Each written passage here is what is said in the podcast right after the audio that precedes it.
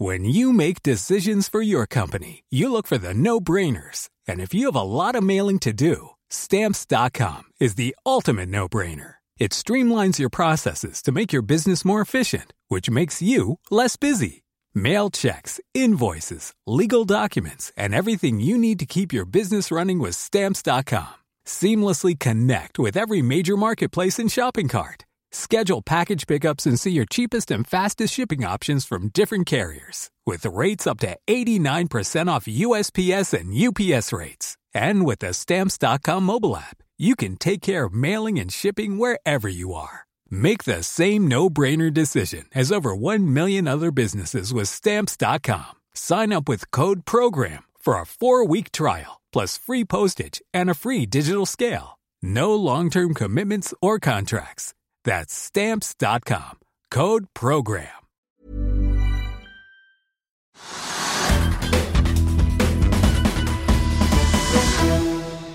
Det er en ny mann på toppen av SAS, men hva vil den erfarne flydirektøren Anko Vandar Werf med det folkekjære flyselskapet?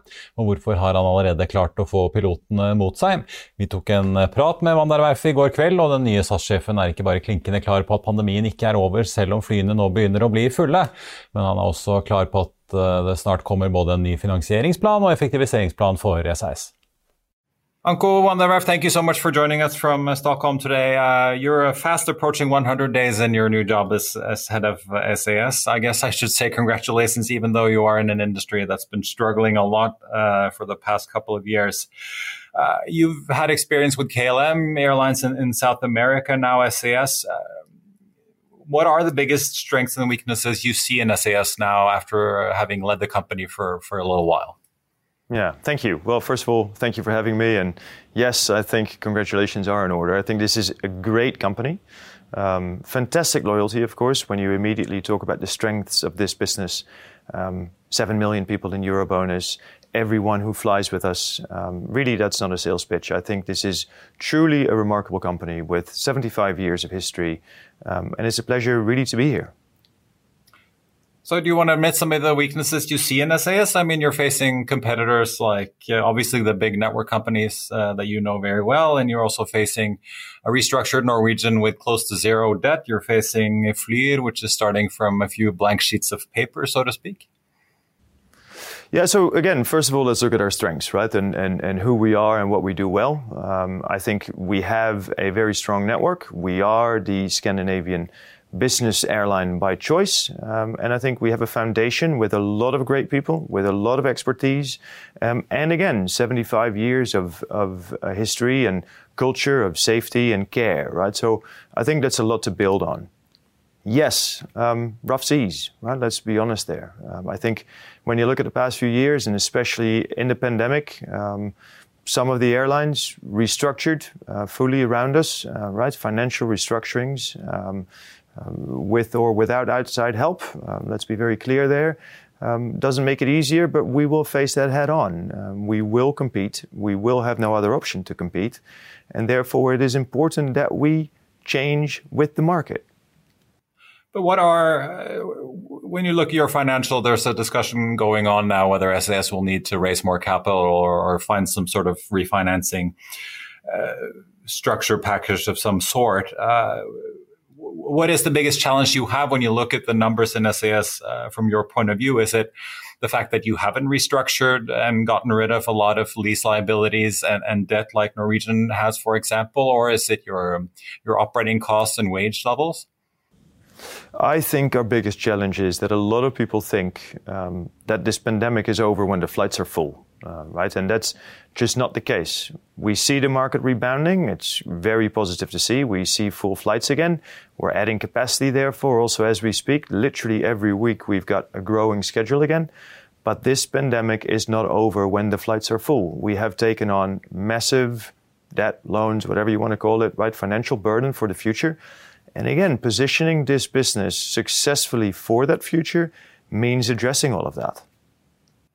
So, so do you have, obviously, SAS has been working um, with reducing their cost levels for years and years and years and have had several programs to do so. Um, are you setting new targets internally or are you sort of just uh, carrying through the targets that have been set from before? No, I think it will be a mix, a mix of everything. Um, look, uh, again, this this this pandemic has left, um, well, let's call it scars, right? I don't think there's a better way of putting this, and you see some of that, of course, in the past few weeks as well, right? There is there is really um, scars that are left and that we need to heal, um, right? Financial scars, of course, for for for the near foreseeable future. Going on and continuing with some of those um, programs that we ran, indeed, as you say, correctly so, I think more has to be done. I, I, truly believe that more has to be done in order for SAS to be competitive. And um, that is something that I will announce over the next few weeks. Of course, first internally, that is the right place to start there. Um, but there's, there's a lot of stuff we can and must do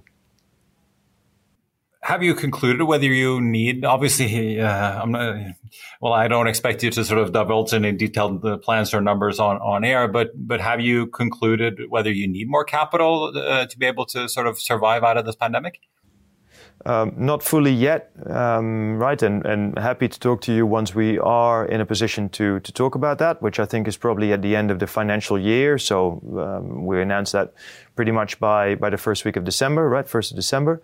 I'm happy to talk to you again and go through it in more detail. But look, um, you have seen it yourself, and analysts have pointed it out. We still have negative equity. Um, how big of an issue is that really uh, for us going forward? Well, clearly needs to be addressed.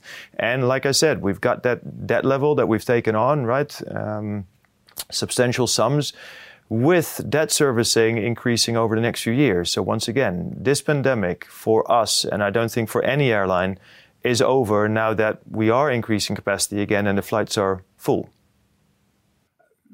I talked to your your colleague Simon uh, Pauck Hansen, uh, chief operating officer, a few a couple of weeks ago, and he was quite frank uh, with your new uh, SAS Link regional jet um, service that you're launching now in the spring.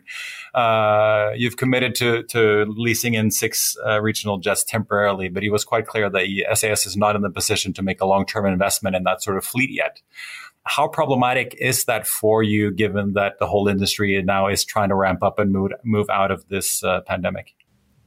Well, I think there's two elements to what Simon said, uh, right? There is first, of course, there is the financial reality, but I think far more important is also, um, especially when you looked at when he said that, um, there is that market uncertainty still, right? And, and I don't want to be doom and gloom. Once again, market is booming at this moment. Um, we really see um, us as well, demand coming back, flights are full.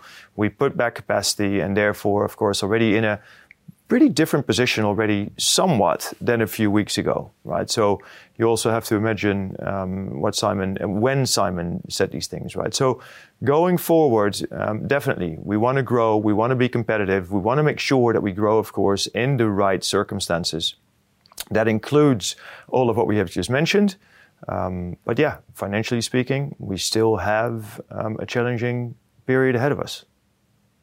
The last thing I want to touch on, Mr. Uh, Van der Werff, is, is uh, your standing with the unions. When your name was announced as the new CEO of SAS, uh, you got high praise initially. Um, but today uh, we've seen um, current and former employees of SAS standing outside Norwegian Parliament with uh, the slogan on their shirts, We were travelers, uh, a word, a play on words from, from your company's slogan why do you have to establish these new platforms, SAS Connect and Link, uh, formerly SAS, SAS Ireland, um, to sort of circumvent re-employing people in, in mainline SAS?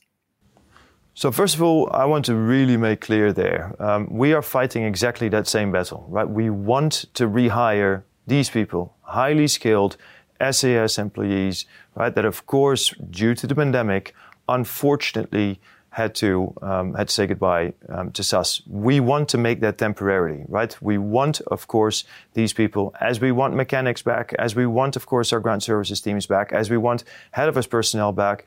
Once again, um, people have to realize how big of an impact this pandemic has been for the entire airline industry. Right? It's not just one brand, one company.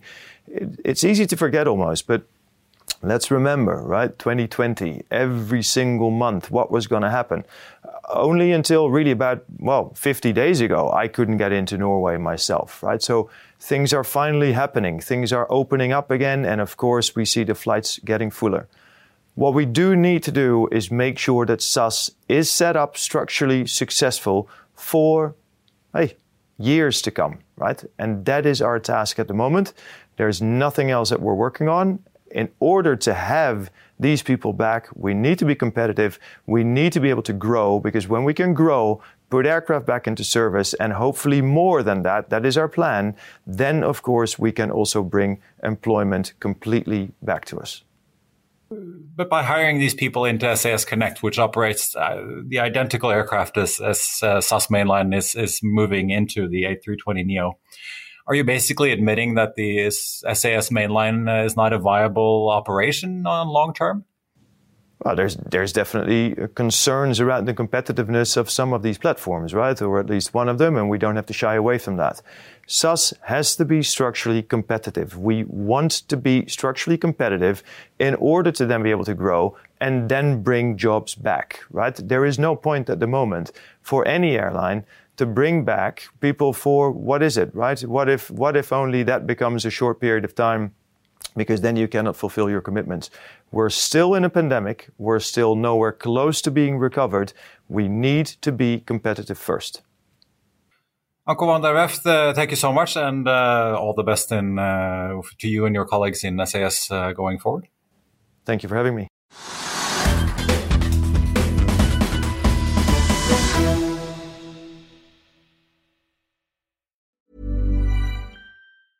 Even when we're on a budget, we still deserve nice things.